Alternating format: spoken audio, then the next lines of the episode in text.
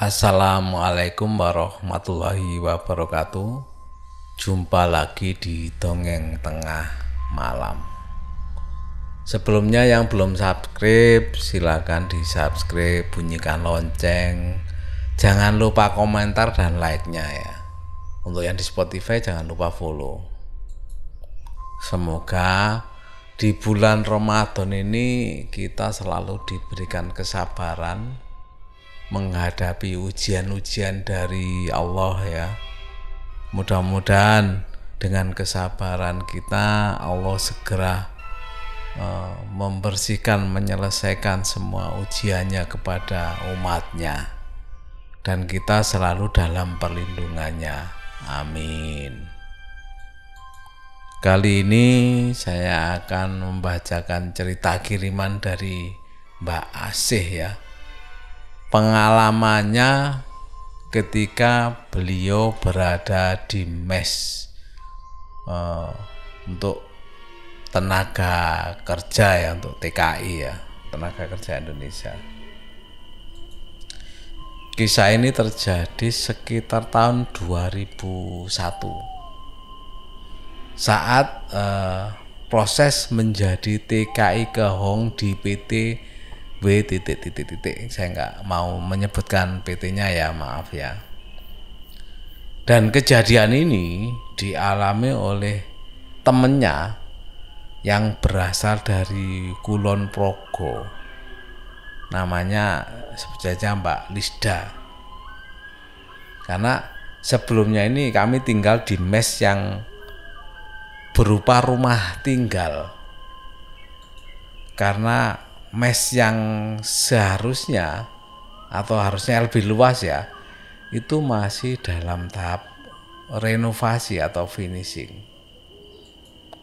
Cukup lama juga kami tinggal di uh, mes sementara itu sekitar dua bulan ya. Setelah dua bulan, kami pun tinggal di mes lama yang sudah direnovasi itu akhirnya kami semua pun pindah ke mes yang baru yang baru direnovasi itu ya. Jadi mes baru ini berupa dua aula besar yang cukup luas juga. Jadi masing-masing gedung ada dua lantai untuk empat negara tujuan. Karena memang untuk penampungan cukup banyak orang ya jadi di mes itu disediakan memang kamar mandi yang cukup besar dan juga ada kira-kira 100 lubang WC ya maaf ya yang disekat-sekat. Jadi bangunan mes ini memang sebelumnya ada lahan kosong yang sebagian berupa rawa ya. Jadi ada semacam kolam yang luas gitu loh yang ada di sebelahnya itu. Jadi bisa dibayangkan ya. Jadi asalnya tanah kosong yang luas bekas rawa dibangun gedung untuk tempat mes itu ya dua aula besar ini.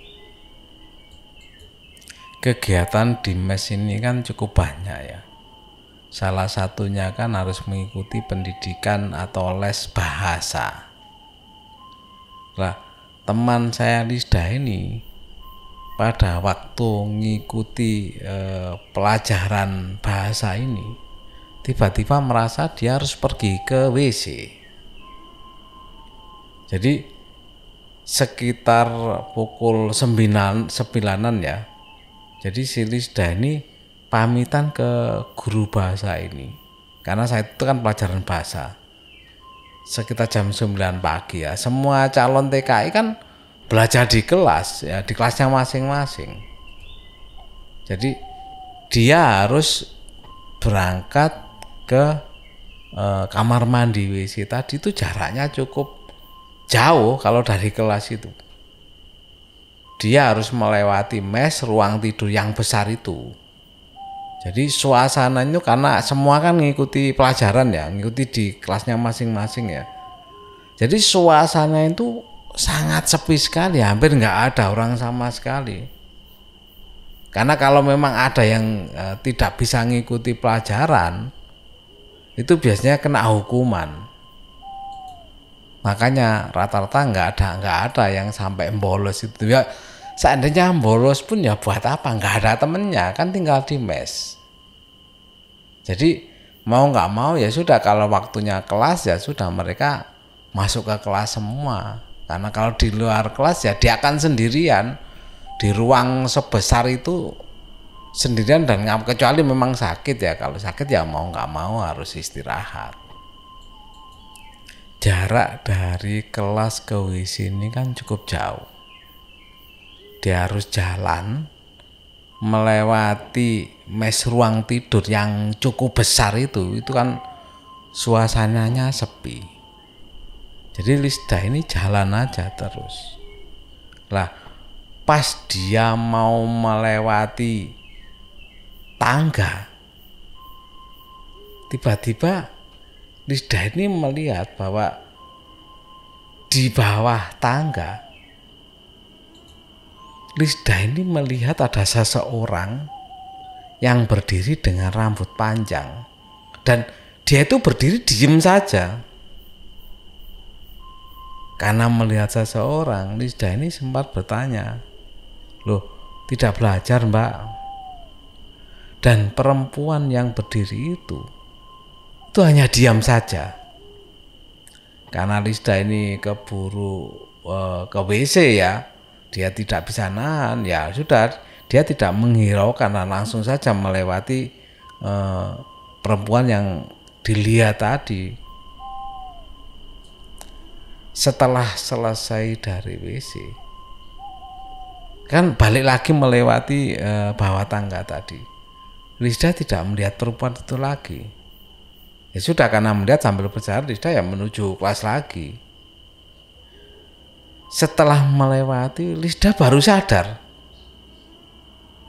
Bukankah semua calon TK ini nggak ada yang rambutnya panjang? Karena hampir semua penghuni mes itu rambutnya itu kayak cowok pendek semua. Nah, sambil keran Rida juga mikir bahwa guru dan staf kantor itu punya kamar mandi di bangunan lain. Karena mungkin aja anggapannya kan mungkin guru atau staf kantor. Karena tapi nggak mungkin karena itu ada di gedung lain dari eh, gedung itu. Jadi siapa wanita itu yang berdiri di dekat tangga tadi? Itu jadi pertanyaan dan eh, nggak ada jawabannya bagi Lisda. Tapi nggak hanya itu ternyata. Jadi di mes itu itu ternyata juga ada beberapa kali terjadi eh, kesurupan. Nggak tahu asal mungkin kecapean atau apa karena kan kegiatannya padat ya. Suatu ketika ada yang sampai kesurupan. Dan akhirnya karena banyaknya kejadian itu penampakan bahkan bukan hanya Lisda aja yang pernah melihat itu bahkan beberapa penghuni mes ternyata juga mengalami hal-hal yang seperti itu sampai kesurupan tadi. Karena penasaran dengan kondisi itu akhirnya eh, ternyata ada informasi bahwa memang bahwa sebelum dibangun gedung mes itu bahwa tempat itu dulu itu adalah karena kan rawa ya. Jadi pernah ada uh, mayat yang dibuang di situ. Di seputaran rawa sebelum dibangunnya gedung mes ini. Bahkan pernah juga yang ngalami malam-malam itu ada yang mendengar suara seperti seretan ya seret gitu ya sepanjang geding gending asbes itu gendingnya kan pakai asbes. Jadi kayak daun apa ya daun kelapa itu istilahnya kan belakang orang Jawa itu.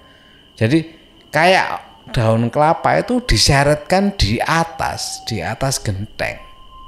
Ya terus siapa yang mau di atas genteng kan nggak mungkin gitu loh. Bahkan tidak hanya itu pernah terjadi penampakan ya sosok wanita tadi yang berambut panjang itu di dapur umum dan di tempat aula makan. Jadi itu tadi beberapa penampakan harian. Jadi yang ngalami ini nggak hanya satu orang, beberapa orang yang ngalam. Tapi karena kan eh, pindah-pindah ya, jadi orangnya kan ganti-ganti terus. Ya itu tadi eh, pengalaman kiriman cerita dari Mbak Ase ya mengenai penampakan-penampakan yang pernah dilihat eh, sama penghuni mes di tempat penampungan TKI. Mudah-mudahan ini bisa menghibur teman-teman semua yang perlu asopan horor ya. Dan untuk hiburan di bulan puasa dan di tengah COVID-19 di mana kita harus di rumah saja, kegiatan sebaiknya banyak di rumah. Bahkan banyak daerah-daerah yang harus melaksanakan PSBB supaya uh, mencegah penyebaran virus COVID-19 ini. Mudah-mudahan semua terhibur dan saya akhiri wassalamualaikum warahmatullahi wabarakatuh.